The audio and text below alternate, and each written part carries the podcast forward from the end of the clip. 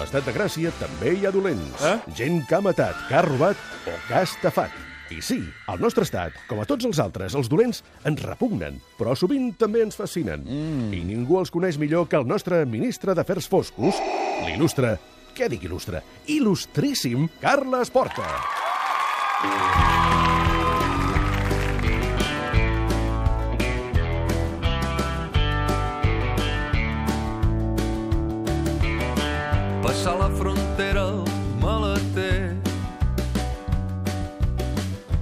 Mercedes verd i atrotinat.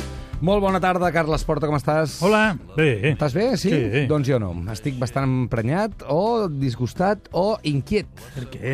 Home, perquè la setmana passada ens vas deixar amb molts, moltes incògnites eh, el cas del camí assassí, eh, les nines, el cabell, i sobretot volem saber el per què, què hi ha al darrere d'aquest home, per què es dedicava a matar prostitutes a la carretera i per què volia que el detinguessin ja. Ho preguntes molt, eh? Bueno, però potser ho podrem arreglar avui. Anem, anem a pams, anem, a pams. Doncs vinga, comencem amb el primer pam, si et sembla, i us Va. sembla a tots vosaltres, que és fer una mica de resum.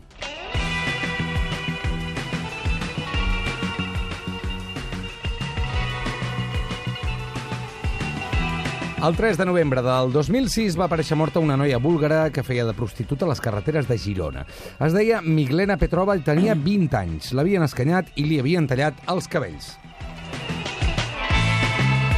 Un cop de sort, i la feina dels Mossos sobretot, van permetre localitzar el, camió cisterna alemany al qual la noia havia pujat.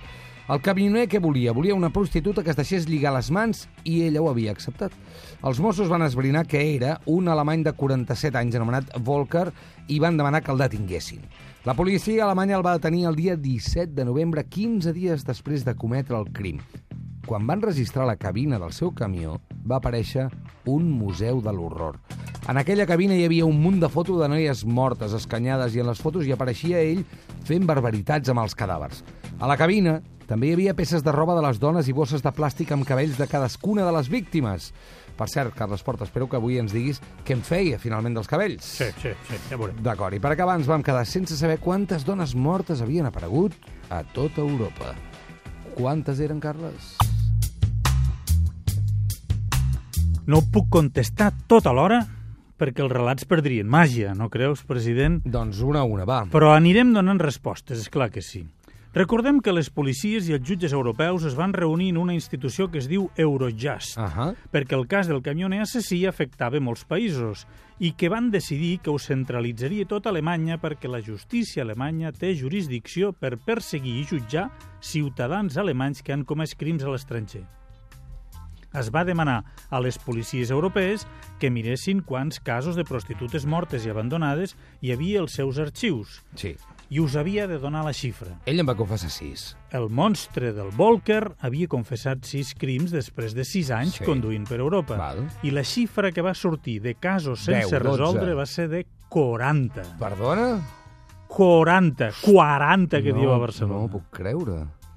Les policies de França, Itàlia, Gran Bretanya, Espanya, països nòrdics, Alemanya, van comptabilitzar que tenien un total de 40 casos, entre 40 i 50 per ser més exactes, sense resoldre de dones assassinades i trobades en carreteres. Volker Ecker n'assumia 6, Mhm. però no va dir res de les altres. Els alemanys, que centralitzaven tota la investigació, es van posar a investigar-ho.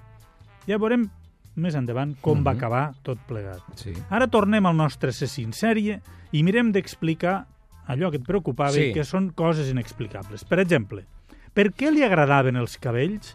Esteu preparats? No. Ens ho explica l'intendent Jordi Bascomte, sotscap de la regió policial de Girona. Ah, i a part d'explicar-nos per què li agradaven els cabells llargs, ens aporta una nova sorpresa. Escoltem-lo. Bueno, aquest home, a l'any 74, són tota una sèrie d'anotacions que jo tenia de quan vaig anar-hi. A l'any 74 ell, ell tenia 15 anys. Ja abans, ell reconeix que li agradava molt jugar amb nines i amb una perruca de la seva mare, jugava amb elles, li agrada acaronar-les i fer-los alguna... Bueno, apretar-les i... Bueno, ja en aquell temps ja començava a tenir eh, la seva parafília relacionada amb el tema aquest de, bueno, doncs, nines, amb perruca, etc etc. I ho reconeix que li agradava jugar amb això i sobretot amb la perruca de la seva mare, no? Quan tenia 15 anys, ell tenia una companya de classe, el Plower, que és on vivia el Walker, amb, amb la qual doncs, bueno, era molt mona, etc etc i ell reconeix que, que, bueno, que volia saber què era escanyar una dona, és a dir, això de fer-ho amb una nina ja no en tenia prou, eh, ja que això amb ell l'excitava molt sexualment. No? Per consegüent, eh, què fa? Doncs un dia se'n va a casa d'aquesta noia, tot això ja ho tenia pensat, i l'escanya. Um, un cop l'ha escanyat, diu, ostres, mm, ara m'enxamparan.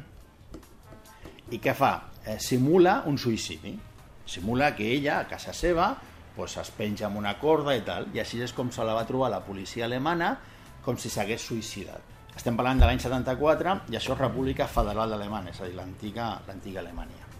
Bueno, inicialment eh, el que va fer la policia alemana va ser acabant dient que sí, que havia estat un suïcidi, malgrat que el pare d'ella, policia, ho negava en rodó, que no podia ser, que no podia ser, que no podia ser, però al final mm, van dir no, no, s'ha suïcidat. I allà va quedar el tema. Ell després, quan declara, quan confessa, ho explica. Uf, o sigui, el primer assassinat de- d'aquest senyor és amb 15 anys, el van enxampar amb 47. Amb, eh? Eh, Bona reflexió. En passen molts, poden passar moltes coses en tots aquests anys. Ara ho explicarem. I a part hi ha una altra cosa, clar, aquí el pare de la, de la noia que se suposa que s'havia suïcidat, no sé si se n'arriba a assabentar, de, bueno, segur que sí, que al final la seva filla no es va suïcidar, o potser estava mort, no ho sé. Potser estava mort, potser estava mort ja, perquè clar, això aquest home no ho va confessar fins que Clar. 47 anys després, no, no, no crec no crec que aquest home, Ostres. que el pare de la noia ho acabés... Morís en pau, mira, per dir-ho d'una Doncs sí, manera. és això, bàsicament això.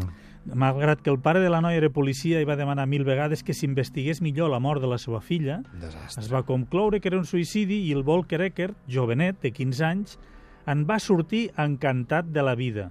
I dic encantat de la vida perquè ell mateix va confessar, quan el van detenir als 47 anys, que després de matar aquella noia se sentia com un déu. Per cert, haureu notat que l'intendent Bascomte parlava de la República Federal d'Alemanya, però ha tingut un petit lapsus perquè el Volker Eckert vivia a l'antiga República Democràtica d'Alemanya, Mhm. la RDA, Uh -huh. en una ciutat de Saxònia anomenada Plauen. Però que és important que sigui la RDA, per tant la, la banda comunista? Ara ho veuràs. Ara ho veuràs. D'acord. Uh, um, aquest individu, després de matar aquella noia de 14 anys, que es deia Sílvia, i que, a més a més de companya de classe, també era veïna seua, va créixer tenint fantasies eròtiques amb nines de cabells llargs, fins que es va cansar de les nines i es va dedicar a asfixiar dones pel carrer. Les atacava, les atacava pel darrere, les escanyava fins que perdien el coneixement i llavors marxava corrents o es masturbava. Fins que un dia una noia el va reconèixer i el van enxampar. El van condemnar a 12 anys de presó per diversos intents d'assassinat i intents de violació i el van tancar a la presó. És, és a dir, perdona, el- els asfix, les asfixiava però no les matava. No les matava. Perdien el coneixement. Això mateix. D'acord.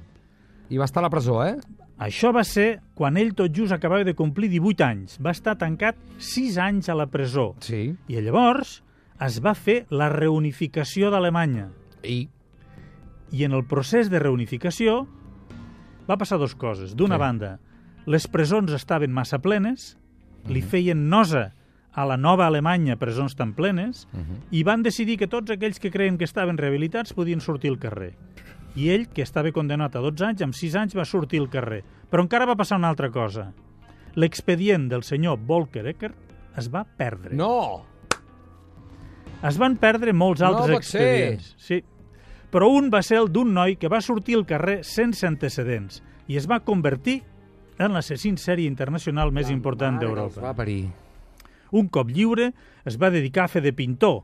Va estar uns anys sense atacar cap dona. Sembla que va tenir xicota. I fins i tot, a finals dels anys 90, tenia problemes d'esquena i va decidir fer-se camioner. Bo, què vols dir? Que es, que es va fer caminer pels problemes d'esquena? Ben vist, president. Els investigadors i psiquiatres que van estudiar el cas d'aquest home creuen que es va fer camioner perquè va descobrir la possibilitat d'accedir a dones vulnerables i amb impunitat, les prostitutes de carretera. A més a més, començava a parlar-se molt de l'ADN i es resolien molts crims gràcies a les mostres d'ADN. Després parlarem de l'ADN.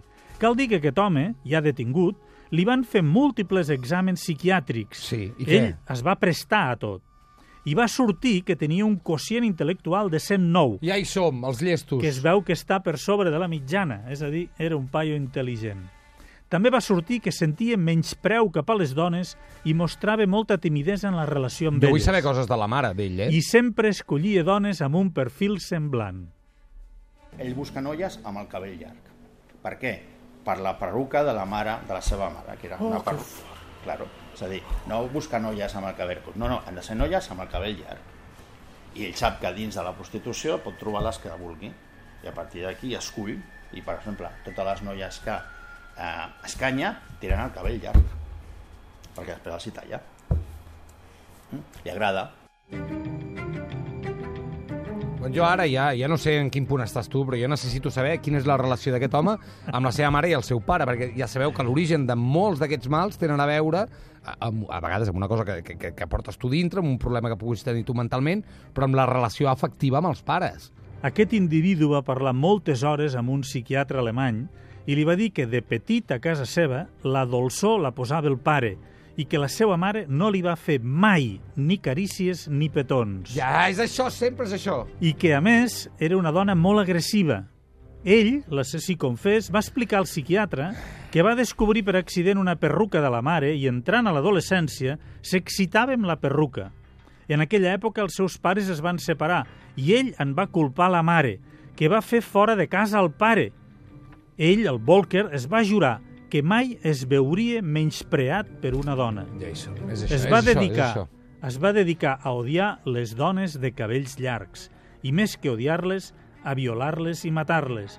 I la manera que va trobar perquè no l'enxampessin va ser fer-se camioner i anar matant prostitutes de carretera. Volent o sense voler, va creure que les mostres d'ADN que deixava els cossos de les noies, com que era estranger, feia molt més difícil que el culpessin a ell. I ja veieu que tenia raó, perquè va estar sis anys matant per Europa i mai el van enganxar per l'ADN. I això, que hi havia ADN a totes les dones que ell havia matat i violat. El van enganxar per una càmera de seguretat al polígon d'Hostalric. Ell es creia impune, fins al punt que feia un diari on apuntava tota mena de detalls. Vaja, increïble. El diari l'explicarem la setmana que vinent. I també parlarem d'una altra cosa que a mi encara em sembla més tremenda. Recordeu que en detenir Volker es van saber que hi havia 40 dones mortes a les carreteres d'Europa Sí. i que la policia alemanya es posava a investigar si eren víctimes del mateix assassí en sèrie? Sí. Doncs la setmana que ve sabrem què ha passat amb aquests 40 casos. Moltes gràcies, Carles.